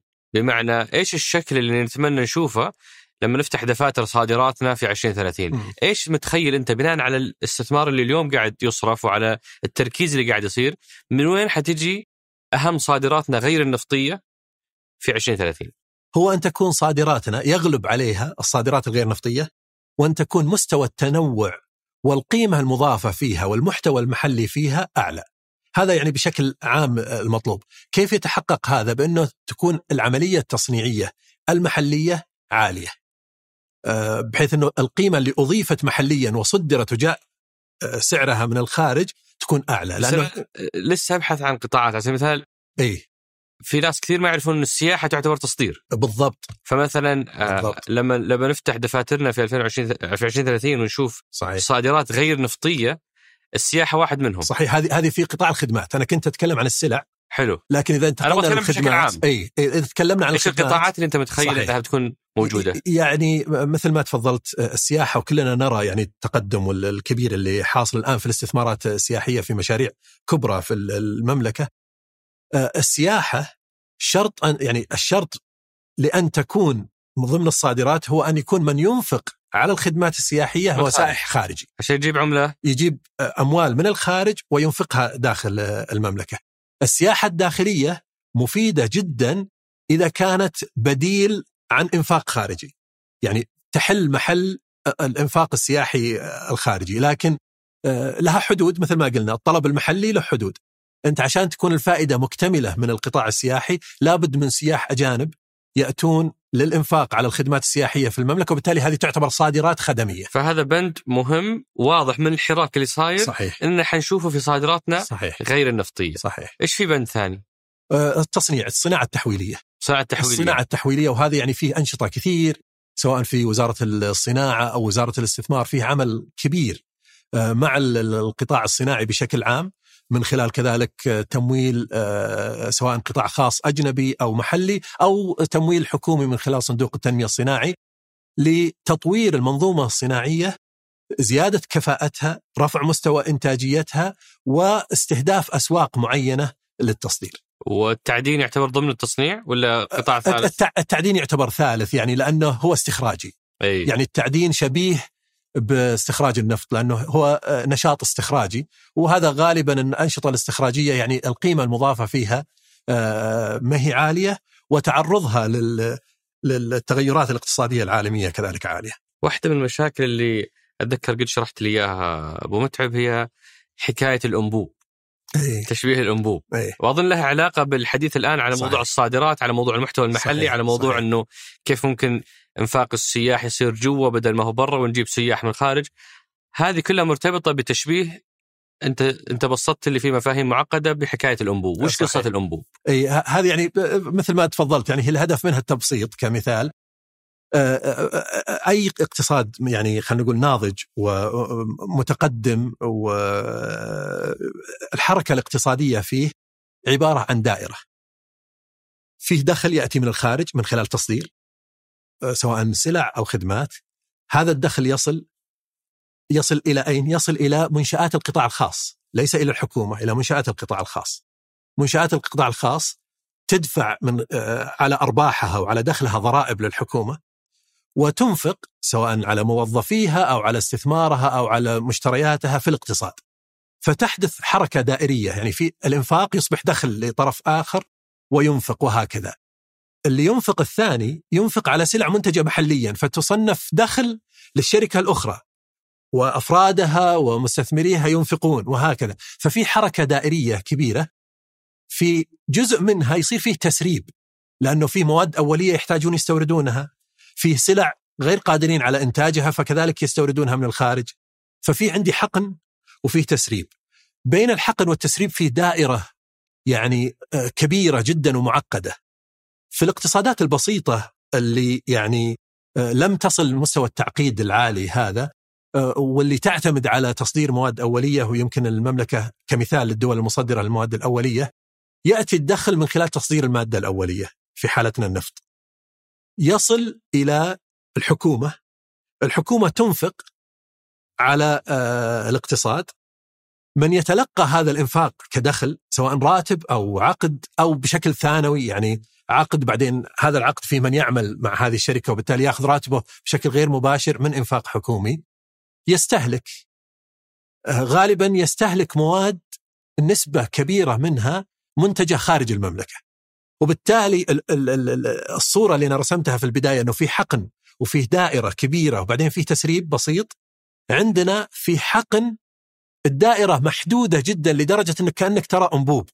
في حقن وفي تسريب مباشرة. ففلوس بيع النفط تدخل ثم على طول تمر سريعا طبعا برا. لها أثر في تحسين مستوى المعيشة في قدرتنا على الاستهلاك والاستيراد وضمان حياة كريمة للجميع وتحرك الأنشطة الاقتصادية الخدمية يعني الريتيل أو البيع التجزئة ولا بيع الجملة ولا المقاهي ولا المطاعم وغيرها من الأنشطة المحلية. لكن في الحقيقة هي ليست مكتملة هذه الدائرة. فيه دخول وفيه خروج ومن بينهما ضعيف ما زال ضعيف جدا. طيب الآن إحنا فهمنا أن الاقتصاد يعني في العالم المالية تقف على الاقتصاد. الاقتصاد هو اللي شايل المالية. في السعودية المالية هي اللي شايل الاقتصاد. آه، إيش بتسوون أنتم أو إيش سويتوا كوزارة مالية عشان تتحولون كوزارة بالشكل اللي يساعد في تحول الاقتصاد نفسه؟ لانكم أنتم اليوم اللي شايلين الاقتصاد بإنفاقكم أي. فنبغى نغير هذا هذا النموذج. يعني بما أنك وصفتها بهذا الشكل إنه يعني هو العنصر الأساسي في, في الاقتصاد أو اللي هو اللي شايل الاقتصاد آه، آه، وقلنا إنه آه، الهدف أن لا يكون كذلك في المستقبل.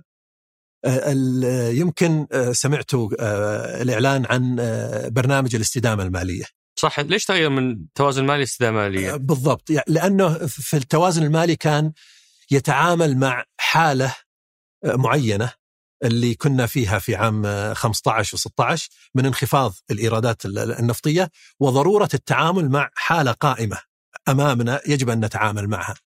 في المرحلة اللاحقة بعد أن نجحنا في التعامل مع الحالة الأولى آه، نتطلب آه، نظرة على مدى أطول إننا لا نتعامل مع أزمات خلاص الآن إحنا نتعامل مع واقع سيستمر لمدى طويل ويجب أن آه، يكون تعاملنا معه بشكل لا يؤثر سلبا على الأداء الاقتصادي. آه، لاحظ إني ما قلت إنه يعني لا يدعم الاقتصاد ولكن لا يكون مؤثر سلبا على الأداء الاقتصادي. كيف آه، النظره لهذا الموضوع؟ تكلمنا آه، يمكن أكثر من مرة عن موضوع تذبذب الإيرادات آه، آه، النفطية. هذا التذبذب كان يصاحب تذبذب في الإنفاق الحكومي.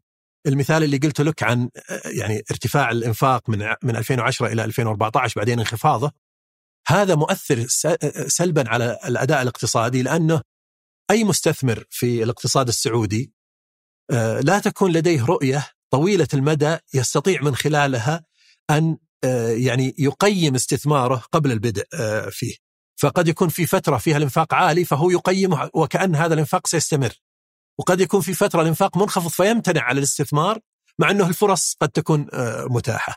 هذا الإرباك اللي يحصل في الاقتصاد بسبب التذبذب في الانفاق الناتج عن تذبذب في الإيرادات يجب أن نفصل الاثنين عن بعض. يكون الفصل بأننا نجعل الانفاق الحكومي مستقر وقابل للتنبؤ. كيف يمكن يكون مستقر وقابل للتنبؤ؟ أننا نفصله عن ما يتحقق من إيرادات آه، نفطية. يمكن عنصر أساسي في هذا يمكن تكلم عنها معالي الوزير في حديثه أثناء إعلان الميزانية موضوع الإيرادات الهيكلية اللي هي تختلف عن المفهوم المعتاد اللي نتكلم عنه عن الإيرادات. الإيرادات المتوقعة اللي عادة نتكلم عنها هو توقعات المالية العامة لحجم الإيرادات خلال العام القادم. هذا هذا المفهوم التقليدي للإيرادات. المفهوم الجديد الايرادات الهيكلية هو عملية حسابية تبنى عليها مستوى النفقات لكن هذا لا يعني أن الإيرادات قد تكون أعلى أو أقل.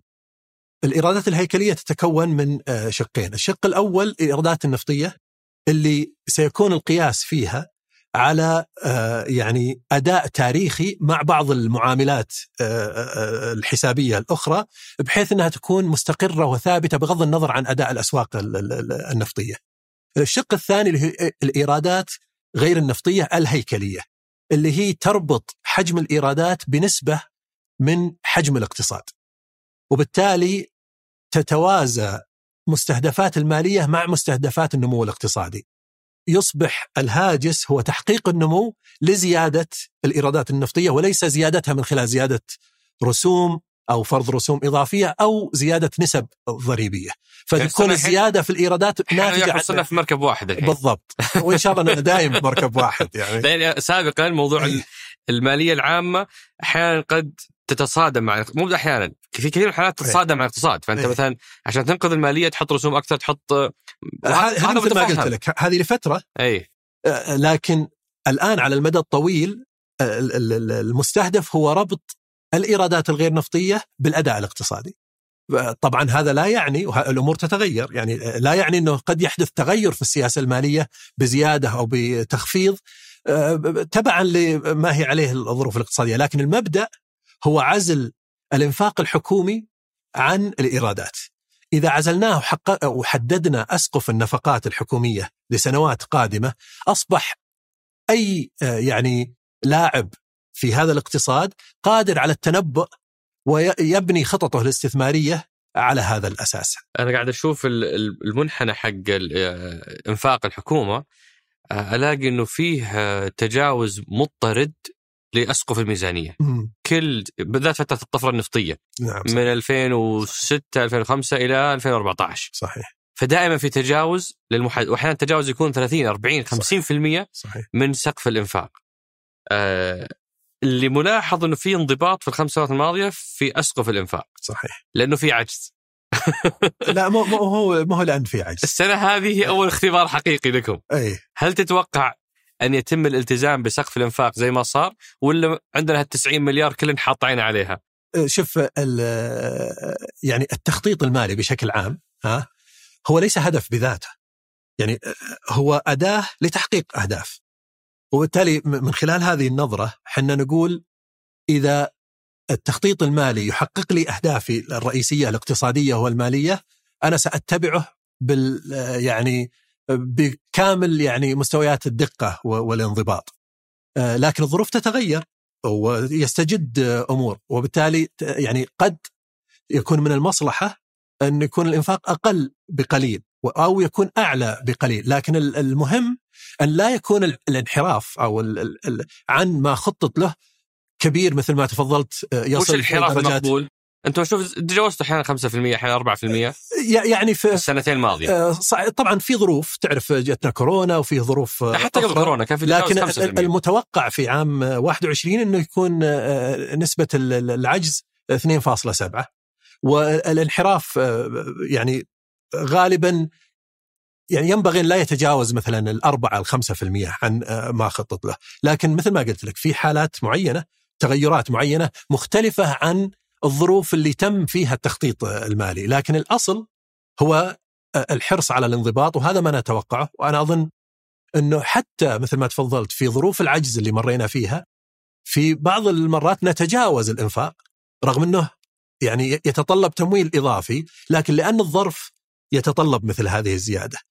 يعني عام 20 بسبب ظروف كورونا كانت آه، شاهد آه، واضح جدا في زيادة الإنفاق عن ما خطط له بهدف سد آه، متطلبات تتعلق بتقديم الخدمات الصحية. الاختلاف الجوهري اليوم في تخطيط متوسط المدى اللي صاير في المالية إنكم في السابق كنتوا تتوقعون كم بيجينا دخل نفط ويصمم الإنفاق على هذا الأمر صحيح. فيصير عندنا تذبذب صحيح. آه، منهك للاقتصاد منهك للجهات الحكومية ومنهك للقطاع الخاص الآن صار الموضوع عبارة عن آه، إيرادات هيكلية مبنية على سنوات طويلة جدا صحيح. أنت بتقول أنا متوقع هذا الرقم صحيح وسأنفق هذا الرقم بغض نعم. النظر قد يجيني أكثر منه إيرادات نفطية قد يجيني أقل منه هذه لن تؤثر مم. على إنفاقك مم.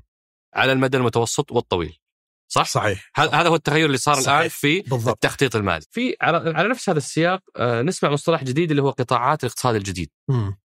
آه، ثقافة ترفيه رياضة يعني أصلا ه- هل هذه تسمى اقتصاد؟ لأن بعض الناس يعتبرونها مم. مضيعة فلوس والاشياء ثانوية هامشية أنتم ليش تعتبرونها اقتصاد؟ لا بدون شك يعني آه، هي بدون شك اقتصاد حتى أن بعض يعني الدول آه، قائم اقتصادها على مثل آه، هذه الأنشطة في دول يعني لولا السياحة لما وجد فيها أصلا اقتصاد تعتمد بدرجة كبيرة على السياحة فيما يتعلق بالترفيه أو الرياضة وغيرها من الأنشطة هذه فيه جزء كبير يعني يجب أن لا آه، نغفله اللي هو الربط بين يعني آه، مستويات المعيشة جودة الحياة وبين الأداء الاقتصادي. يعني آه، هذا بشكل غير مباشر اولا.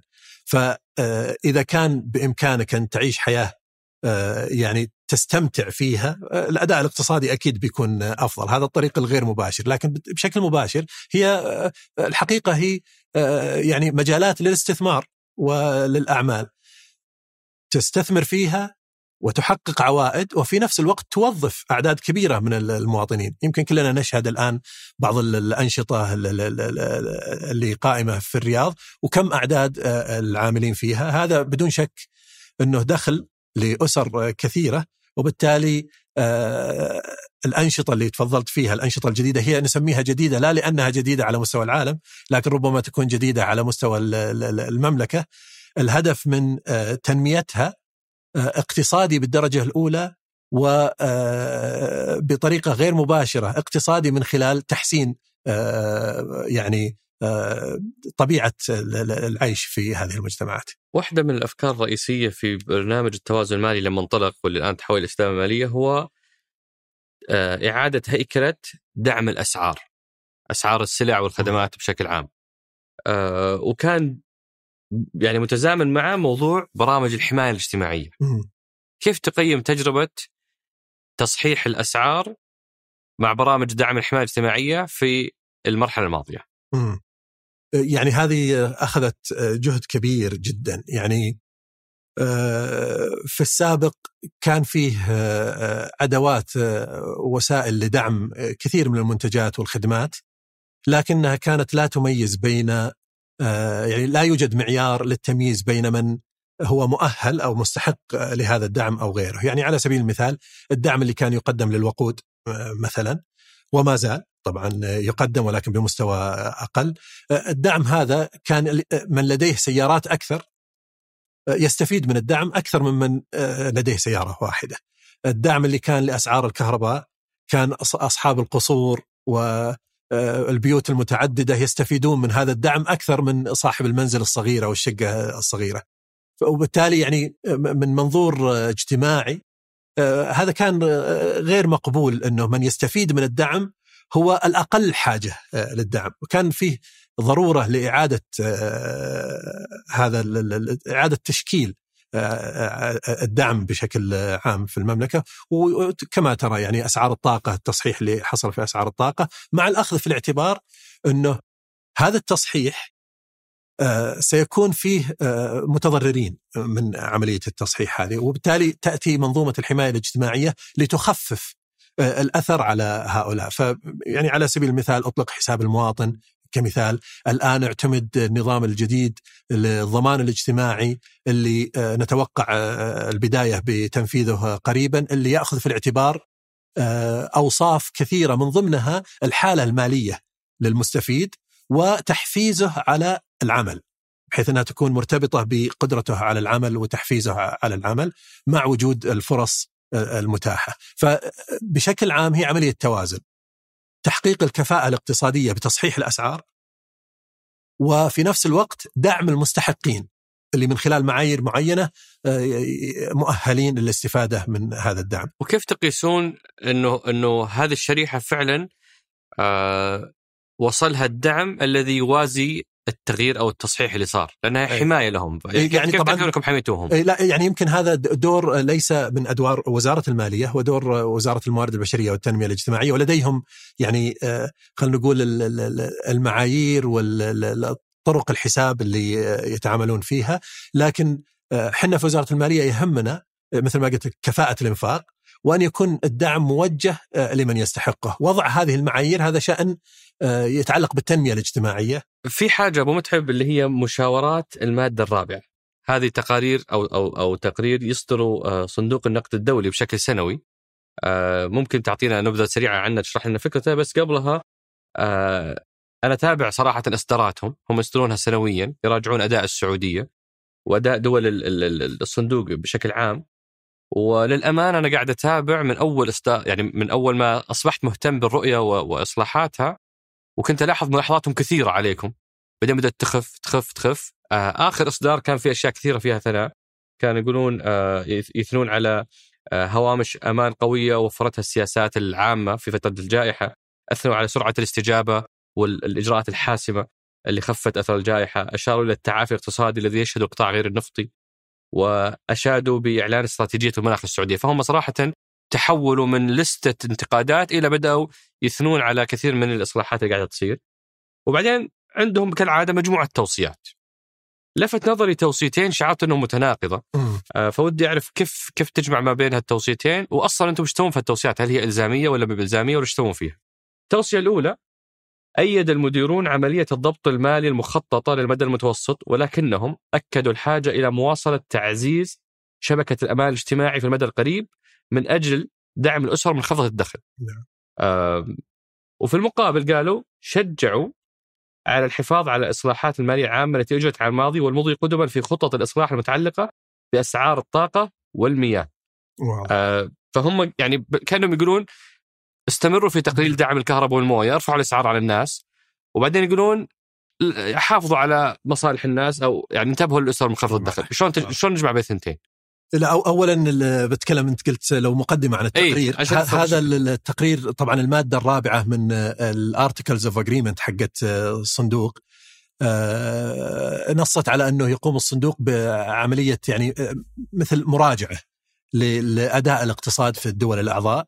المملكة من قديم وهي تقوم بهذا العمل لكن مستوى العلاقة مع الخبراء اللي يأتون من الصندوق تطور بشكل كبير مع الرؤية. ومثل ما تفضلت إنه فيه تقدم واضح جدا في الأداء يأتي الفريق هذا فريق الخبراء للمملكة ويجلس مع وزارة المالية ومع الوزارات الأخرى تقريبا المتعلقة بالشأن الاقتصادي ويكون لديه مجموعة من الأسئلة. من خلال الإجابة على هذه الأسئلة هو يعد تصوراته عن أداء الاقتصاد. يصير فيه أخذ وعطاء معاهم على إضافة بعض المعلومات، تصحيح بعض المفاهيم. وغيرها. وفي النهاية يخرجون بتقييمهم للأداء الاقتصادي المتعلق بالسياسات بالذات، يعني ليس الأداء فقط النمو وإنما كيف تم تنفيذ الإصلاحات الاقتصادية والمالية في البلد. والحمد لله يعني مثل ما تفضلت السنوات الأخيرة التقدم واضح آه، جدا آه، والأثر على آه، موقف المملكة المالي واضح كذلك. بالنسبة للتناقض الظاهر بين التوصيتين إذا يمكن تسمح لي أقول لك إنه لا بالعكس ما في أي تناقض هي متناغمة وفي نفس الاتجاه. هم يقولون إنه لتحسين الأداء الاقتصادي ورفع مستوى الكفاءة لابد من الاستمرار في الإصلاحات المتعلقة بالأسعار وصولا إلى تحرير الأسعار وجعلها خاضعة لقوى السوق. في المقابل مثل ما قلنا قبل شوي إنه هناك من سيتضرر من هذا الإجراء لكن الضرر آه، يحمى منه المستحق فقط وبالتالي هنا تأتي منظومة الحماية الاجتماعية وشبكة الأمان الاجتماعي اللي يفترض أنها تمكن أصحاب الأسر آه، ذات الدخل المنخفض من يعني الحصول على هذه الخدمات حتى بعد ارتفاع أسعارها. وبالتالي المحصلة إنه في عندي كفاءة اقتصادية بأن الأسعار أصبحت تعكس قوى العرض والطلب في السوق. عندي كفاءة مالية إني لم أعد أدعم كامل الاقتصاد وإنما أدعم المستحقين فقط. وفي نفس الوقت خففت الأثر السلبي على أصحاب الدخل المنخفضة من خلال تقديم الدعم المشروط بمعايير معينة لأصحاب الدخول المنخفضة. أه، توصيتهم بزيادة الاهتمام بهالشريحة تخليني متحمس أعرف وش تفاصيل تقييم تجربتنا في هذا الموضوع الفترة الماضية، أنا اللي فهمت إنه هذا خارج اختصاص وزارة المالية. بس لعلك تتوسط لنا ولا تفزع لنا نوصل لأحد في وزارة الموارد البشرية والتنمية الاجتماعية ودنا نسمع عن لأنها مرتبطة نوعا ما بالاصلاح المالي اللي أنتم تقومون فيه، ودنا نفهم الجانب الآخر جهود حماية الشريحة المحدودة الدخل في المجتمع كيف تتم؟ فما نستغني عن وسطك أبشر أبشر. أبد اللي, اللي يقدر عليه أبشر. الله يجزاك خير. في توصية ثانية لفتت نظري. قلت أسمع رأيك كاقتصادي. أنا أعرفك على المستوى الشخصي مهتم بهذا الموضوع. آه هم تكلموا على موضوع آه مراعاة المتابعة الدقيقة لأنشطة الإقراض العقاري. أيه. يعني السعودية عندها آه طفرة في الإقراض العقاري عن طريق البنوك آه وكثير الناس يتساءلون أحيانا هل ممكن يحدث عندنا ما حدث في أزمة الرهن العقاري الأمريكية 2008 آه هذه الملاحظة من من صندوق النقد تخليني أتساءل هل هذا موضوع في محل قلق ولا محل تخوف؟ لا يعني شوف هم هم غالبا يضعون بعض التحذيرات يعني لا لأن الوضع مقلق ولكن هي تحذيرات إنه خلوكم يعني آه، واعين آه، لما قد يؤول إليه إذا خرج هذا الموضوع عن آه، مساره الصحيح. هل خرج عن مساره؟ لا لا ابدا، أنا أتصور إنه الآن يعني إحنا عندنا القطاع المالي بشكل عام في المملكة، يعني آه، عبر تجارب آه، طويلة، القطاع المالي عندنا والقطاع المصرفي بالذات والتمويل بشكل عام مر بتجارب عديدة وأثبت خلال هذه التجارب كلها أنه قادر على خلينا نقول تحمل الصدمات والتعامل معها بشكل آه، مميز. والسبب أن المملكة يعني بقيادة البنك المركزي آه، السعودي المشرف على آه، القطاع المصرفي وقطاع التمويل يتبنى أعلى مستويات المعايير الدولية فيما يتعلق بالاستدامة المالية والانضباط المالي وبالتالي مؤسساتنا المالية بحكم إشراف البنك المركزي والمعايير اللي يتبناها البنك, المركزي هذه تضمن أن المؤسسات التمويلية لا تتجاوز الحدود اللي تحول آه، عملية التمويل العقاري من عملية مفيدة وإيجابية إلى مصدر آه، خطر. آه، بالنسبة لي أنا هذا الموضوع يعني لا يشكل قلق وما ورد في التقرير هو تنبيه لمجرد إنه كونوا على آه، انتباه يعني لا يخرج هذا الموضوع عن آه، وما دام نسولف عن موضوع المشاورات المادة الرابعة وصندوق النقد الدولي وهذه آخر إيه؟ نقطة في هذا الجانب عشان ما نطول فيه في صورة ذهنية عند المجتمع مو عند المجتمع عند مجموعة من الناس إنه هذا الصندوق والبنك الدولي وهذه الأدوات كلها أدوات الغرب للهيمنة على العالم الثالث والدول النامية والسيطرة عليها وإغراقها بإقراض ودائما يكررون مثال ماليزيا. أزمة النمور الآسيوية سقطت مجموعة من النمور الآسيوية تدخل صندوق النقد وقال لهم سووا كذا وكذا وكذا. الدول اللي اتبعت هذه الإجراءات تأخر نهوضها. ماليزيا الوحيدة اللي نفذت عكس هذه التوصيات فكانت أسرعهم في التعافي. آه وش رأيك في هالكلام؟ يعني شوف الكلام عن فكرة يعني إنه فيه تآمر وفيه ما وراء يعني الستار. يعني أنا لا أميل لهذا الشكل من التفكير. ويمكن نشوف اليوم حتى فيما يتعلق باللقاحات وغيرها نسمع هذا الكلام كثير. لكن ما بدون يعني وضوح في الاستدلال والإثبات. لذلك تبقى يعني أنا أسميها مثل الشائعات والتخرصات لكن الحقيقة أنه الصندوق صندوق النقد الدولي يعني منذ انشائه في في الأربعينات الميلادية له دور مهم جدا في موضوع الاستقرار المالي على المستوى الدولي. وإنقاذ الدول اللي يكون عندها خلل في ميزان المدفوعات وتصبح بحاجة إلى تمويل حتى تستعيد توازنها. وكذلك يقدم مشورة فنية لإصلاحات الهيكلية ضمن أي اقتصاد آه، ليتحول من يعني آه، اقتصاد غير قادر على تحقيق توازن في ميزان مدفوعاته أو فائض في ميزان مدفوعاته إلى اقتصاد قادر على التنافس والتصدير وبالتالي آه، بيئته الاقتصادية تكون أفضل وقابلة للاستمرار. المشكلة إنه الناس دائما يمكن مثل ما قلت أخوي عمر أنا أحب الأمثلة. أي. الآن لو فيه طبيب معروف بأنه ناجح ويعني مستواه العلمي والفني عالي جدا وفيه مريض آه، كان يكتم مرضه يتألم ولا يبلغ أحد ولا يروح للطبيب ولا شيء بعدين راح لهذا الطبيب المشهور المعروف في مرحلة متأخرة جدا لم يتمكن هذا الطبيب من إنقاذه رغم محاولاته آه، الجادة يعني لإنقاذه توفي هذا المريض. هل نلوم الطبيب على وفاة هذا المريض أو لا؟ غالبا يعني في دول كثير آه، تشعر إنه آه، مد يدها لصندوق النقد لمساعدتها إنه فيه يعني يعطي صورة سلبية عن هذه هذا الاقتصاد وهذا البلد إنه أنا احتجت لصندوق النقد الدولي.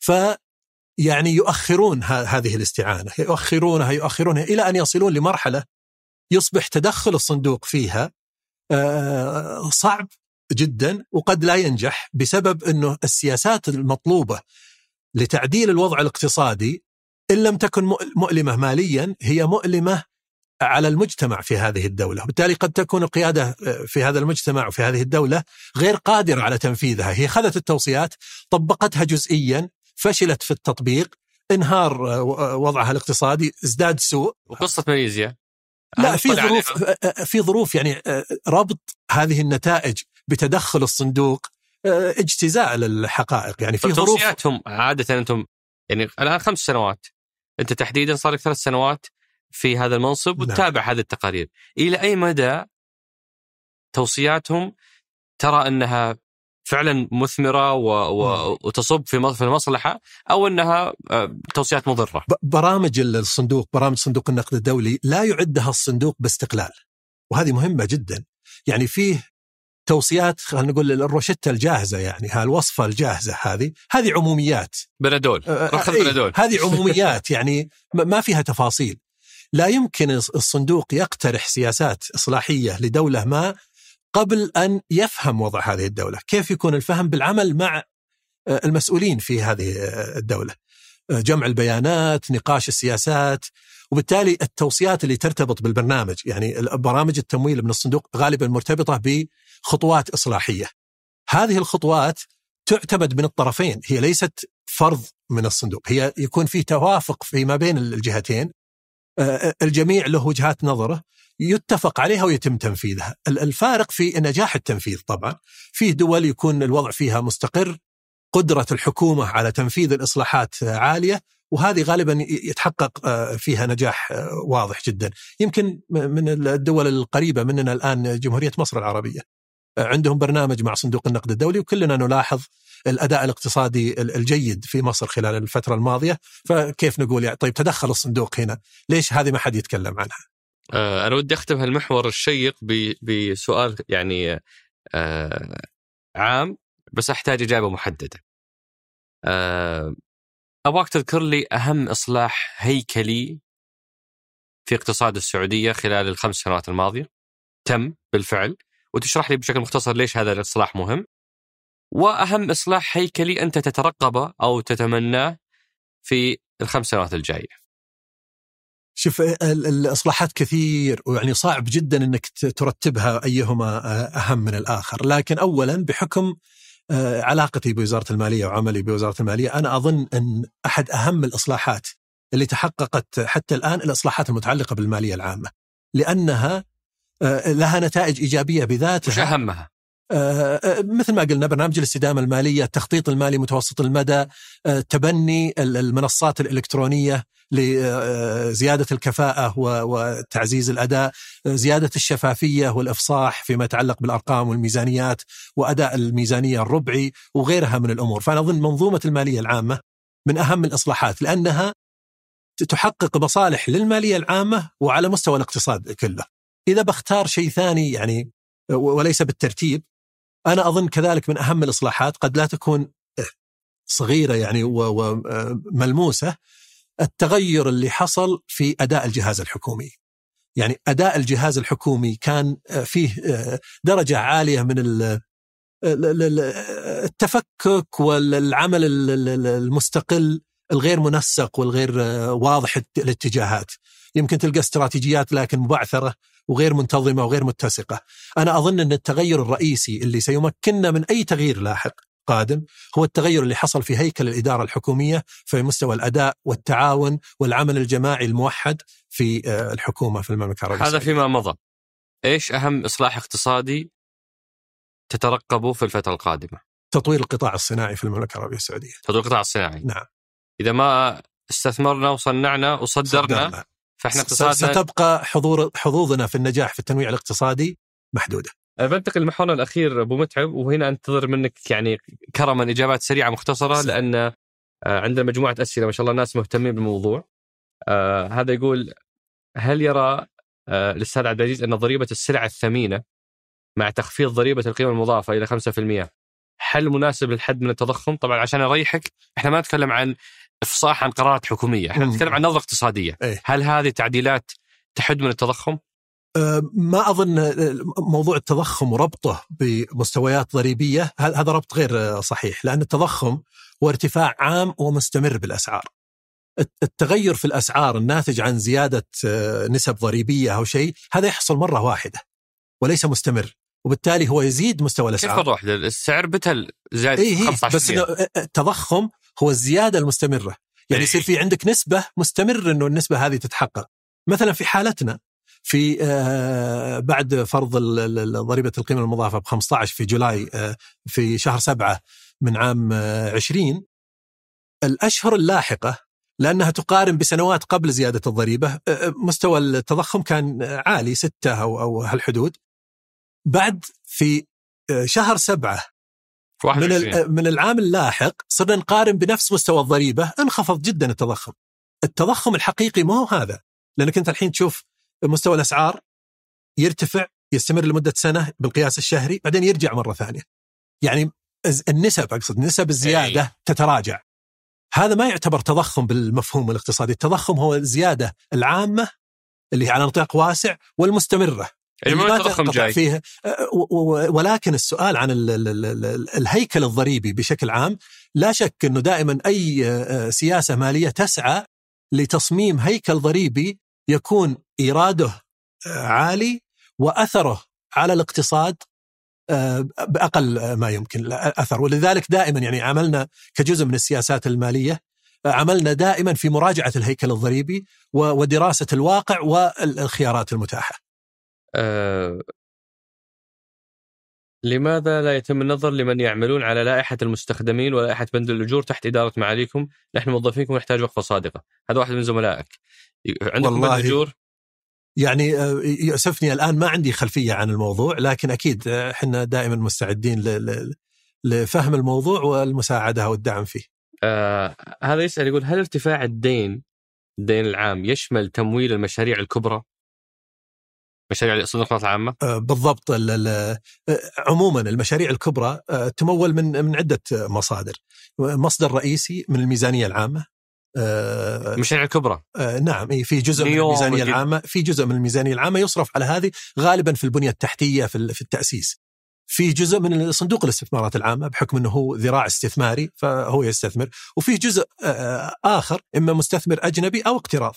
لهذه المشاريع. فبالتالي يعني التمويل جزئيا من المالية العامة أو من الميزانية العامة ولكن ليس كل التمويل من من الميزانية. طيب هذا السؤال الحاقي له يقول في حال لم تحقق المشاريع الكبرى مثل الجدية الأثر المالي والاقتصادي المرجو منها كيف سيتم سداد الدين؟ طبعا آه، اولا آه، لم آه، يبدأ مشروع إلا وسبقه دراسات وتحليل ويعني عمل مضني وكبير فيبدأ لأن احتمالية النجاح هي الأعلى وهي ال- ال- ال- الأقرب ولكن طبعا الواحد لا يستبعد ظروف خارجة. يعني عن الإرادة قد تسبب بعض ال- ال- الإرباك يعني في التنفيذ أو في نجاح المشروع. لكن الأصل إنه ناجح.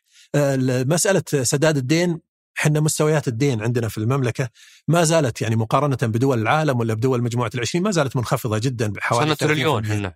إيه لكن كنسبة من الناتج من حجم الاقتصاد ما زالت تشكل حوالي 30% أو حول 30% هذا المستوى يعتبر مريح جدا.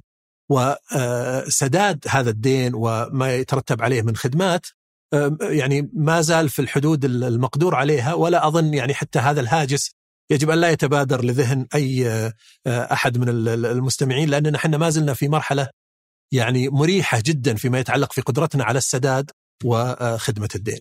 أه أخلع أبو متعب قبعة المسؤول وألبس قبعة الاقتصادي البحت وجاوب على السؤال هذا لأنه مهم وأعرف إنه في حرج عليك كمسؤول بس إنه مهم كاقتصادي. بما أن إحنا نشهد تضخم في أسعار السلع والخدمات بشكل واضح كل سنة؟ ليش ما يكون هناك زيادة في الأجور بنسبة تناسب هذا التضخم كل سنة؟ الأجور اقتصاديا وش المشكلة؟ الأجور يقصد قطاع عام موظفي حكومة. إي طبعا عبر السنين الماضيه كان فيه زيادات ولكن ما أظن إنه ربطها يعني ربطها مباشرة بالتضخم إنه قد يكون مفيد يعني للأداء الاقتصادي بشكل عام. لكن آه، ما أظن إنه هذا الحل الآن القائم ومثل ما تفضلت أنت فيه يعني في أبعاد آه، مختلفة. آه، في بعد اجتماعي في بعد مالي في بعد اقتصادي. يجب مراعاتها كلها مع بعض حتى يكون القرار يعني مبني على خلينا نقول تقييم صحيح. هذا سؤال مرة مهم وأظنه ممكن نربطه بكل الشرح الاقتصادي اللي شرحناه في البداية. هل صحيح زيادة الضريبة إلى 15% وقت أزمة كورونا كان لإيقاف نزيف الدولار؟ لأن النفط وإيراداته ما كانت تغطيه. آه هذا ممكن نربطه بفكرة أنه إحنا الدولة الوحيدة اللي زادت الضريبة على عكس أغلب العالم اللي نقص الضريبة ونربطها بهيكلنا الاقتصادي السابق. هل ممكن نربط الثلاث هذول بشكل مختصر مرتب؟ أه، بحاول يعني لعلي اكون أنجح يعني في في هذا الربط. أه، إحنا تكلمنا عن هيكلنا الاقتصادي وقلنا إنه الإنفاق الحكومي يشكل الدعامة الرئيسية. ويمكن أه، ربط الأخ السائل بموضوع الدولار أنا ما أشوف له وجه لكن اللي كان مطلوب اولا في عام 20 عندما يعني حلت علينا الجائحة آه، كان واضح جدا إنه الإيرادات ستنخفض بشكل حاد جدا. تذكر الانخفاض الحاد اللي صار أسعار البترول. في أسعار البترول. آه، وبالتالي كان في توقع إنه يعني آه، الأداء من حيث الإيرادات بيكون منخفض جدا. وفي في نفس الوقت متطلبات إنفاق اولا لاستمرار الأداء في الخدمات الحكومية دعم آه، برامج الدعم اللي طلعت سواء من الميزانية أو من البنك المركزي أو من آه، موضوع الأجور آه، العاملين في القطاع الخاص ومتطلبات طبية. يعني زيادة القدرة الاستيعابية أجهزة تنفس أدوية لقاحات كل هذه الأمور تتطلب إنفاق أعلى. في وقتها أنت عندك اقتصاد يب يعني قائم على الإنفاق الحكومي ما زال يعني قائم أو يعتمد بشكل كبير عليه. وبالتالي وعندك متطلبات الجائحة يعني تفرضها عليك. وقدرتك التمويلية أنت في عام 20 ما كان السنة اللي قبلها عندك فوائض. أنت سبع سنوات ماضية عندك عجوز واقتراض. وانخفاض في الإيرادات عن النفقات. وبالتالي أنت يجب أن يعني يكون عندك خلينا نقول أداة تستند إليها لتحقيق الحد الأدنى من استمرار النفقات مع المحافظة على تصنيفك الائتماني حتى لا تضطر لاحقا عند الحاجة للاقتراض أن تأخذ القروض بتكلفه أعلى، فكان هذا الحل يمكن معالي وزير المالية تكلم في حينها أنه كان في خيارات متعددة وكان هذا الحل هو الأقل ضررا يعني. وإن كان يعني يبدو حل يمكن أثر بشكل واضح على الناس لكنه كان الأقل ضررا من بين الخيارات الأخرى المختلفة. هذا يسأل يقول عندنا انكماش اقتصادي مع تضخم أسعار ونمو اقتصادي ضعيف. ليش وكيف ممكن نعالجه؟ يعني اولا يمكن التعليق على صيغة السؤال يعني ما يصير انكماش و... و... نمو ضعيف. ونمو ضعيف. إيه؟ ما دام فيه نمو ما فيه انكماش. لكن يبدو إحنا يعني إحنا وضعنا بدون أدنى شك بعد الخروج من أزمة كورونا الأداء الاقتصادي مثلا هذا العام المتوقع طبعا جزء كبير من البيانات ما زال يستكمل وتعلنه إن شاء الله الهيئة العامة للإحصاء قريبا. إنه المتوقع الآن إنه يكون النمو فيما يهمنا أكثر وهو القطاع غير النفطي أو الناتج المحلي غير النفطي 4.8% خلال عام 21 وأقل من هذا في القطاع النفطي، أما في توقعاتنا العام 22 فنتوقع أن يكون النمو الاقتصادي في المملكة يتجاوز في المئة مدعوما بالتحسن الواضح في أداء القطاع الغير نفطي تاثرا بالإصلاحات والأنشطة الاقتصادية الجديدة وحجم الاستثمار اللي اللي في الاقتصاد السعودي ومن جهة أخرى النجاح يعني المبهر ل أدائنا في الأسواق النفطية من خلال محافظة المملكة ودعمها وقيادتها لاتفاق أوبك بلس واستقرار أسواق النفط. هذا يقول ما هي أسباب الارتفاع الطفيف للناتج المحلي الإجمالي في ظل ضخ مالي حكومي كبير خلال الفترة الماضية؟ أظن هذه قصة البالون آه، هو اللي يشرحها كل ما كبر اقتصادنا صحيح الضخ هذا صار أثره صحيح. أقل صحيح في سؤال آه، قبل الأخير كيف هي رحلة ومراحل تبني السياسات المالية عندنا؟ يعني ما أدري آه، هي يعني إذا ممكن نصفها بأنها رحلة هي عمل لا يتوقف. يعني أي عمل يتعلق بسياسات سواء كانت سياسات مالية أو غيرها آه، أنت عندك آه، تحدي معين آه، تقترح لمواجهته سياسة معينة هذه السياسة أثناء التنفيذ يصير فيه مراجعة للأداء وتحسين في هذه السياسة فهي عملية دائرة يعني لا تتوقف مستمرة لكن الفارق يمكن في عملنا اليوم عن العمل السابق إنه كانت السياسة المالية تستجيب لأحداث وتتعامل معها. اليوم الفارق الواضح جدا مع التخطيط المالي متوسط المدى ومع برنامج الاستدامة ووجود وكالة للسياسات أننا عملنا استباقي. إحنا ننظر للمستقبل و آه، يعني ترسم السياسات المالية للتماشي مع هذا المستقبل والمرونة في التجاوب مع آه، أي صدمات آه، تحدث خلال الفترة آخر سؤال معلش قبل الأخير لأنه في سؤال إضافي آه متى يتوقع أن تعود احتياط المملكة لمستوى مطمئن لامتصاص الصدمات؟ إحنا آه تحولنا من دولة ثرية إلى دولة متدينة يعني م. كنا إحنا في 2014 عندنا ظهر 3 تريليون فائض فائض واحتياطيات م. اليوم هذه نزلت لأقل من تريليون ويقابلها تريليون ديون. م. فيعني هذا كله في ست سنوات. شيء مرعب. آه لا لا ما أظن إنه يصل إن نصفه بأنه مرعب لكن ما ما دمنا قادرين على إدارة المشهد المالي بشكل جيد. هذه ما وصلنا لمراحل خطيرة. يعني آه المهم هو في طريقة الإدارة ليس الظرف. بذاته. الظروف قد تأتي ظروف سيئة أو تأتي ظروف حسنة. كيف تدير الشأن المالي في مختلف هذه الظروف هو الأهم. أنا أتصور أنه آه، يعني إن شاء الله مع توقعاتنا لعام 22 أن يتحقق فائض في الميزانية ونرجو أن يكون هذا الفائض يعني يستمر للسنوات اللاحقة. عندنا أولويات. من أهم الأولويات لدينا هي استعادة آه، هذا الهامش المالي اللي يمكننا من التعامل مع أي صدمات آه، لا قدر الله قد تحدث في المستقبل. وبالتالي هذه أولوية لا شك إنها من الأولويات. تقدير آه، نستطيع أن نقدر آه، السنوات القادمة آه، كم بيكون الإيراد وكم بتكون النفقات ونقدر كم بيكون الفائض إذا تحقق فائض ونقدر نشوف كم ممكن تكون التراكمات في مستوى الاحتياطيات. لكن هذا لن يكون مفيد لأنها كلها مبنية على افتراضات قد لا تتحقق. لكن لا شك انه حرص يعني الإدارة المالية في المملكة على إعادة بناء الاحتياطيات تحسبا لأي ظروف آه، قد لا تكون مواتية في المستقبل هذا من الأولويات. وإحنا الآن بيصير عندنا فائض 90 90 مليون. المتوقع نعم. متوقع. هل هذا يعني أنه الضريبة ال 15% حتنزل 5% خلاص عدينا الظرف؟ أظن الإجابة كانت في يعني في الإجابة السابقة إنه مثل ما قلت لك إحنا آه، السنوات الماضية ثمان سنوات ماضية آه، كلها كان فيها عجز، تراكمات العجز تصل إلى 1.8 تريليون.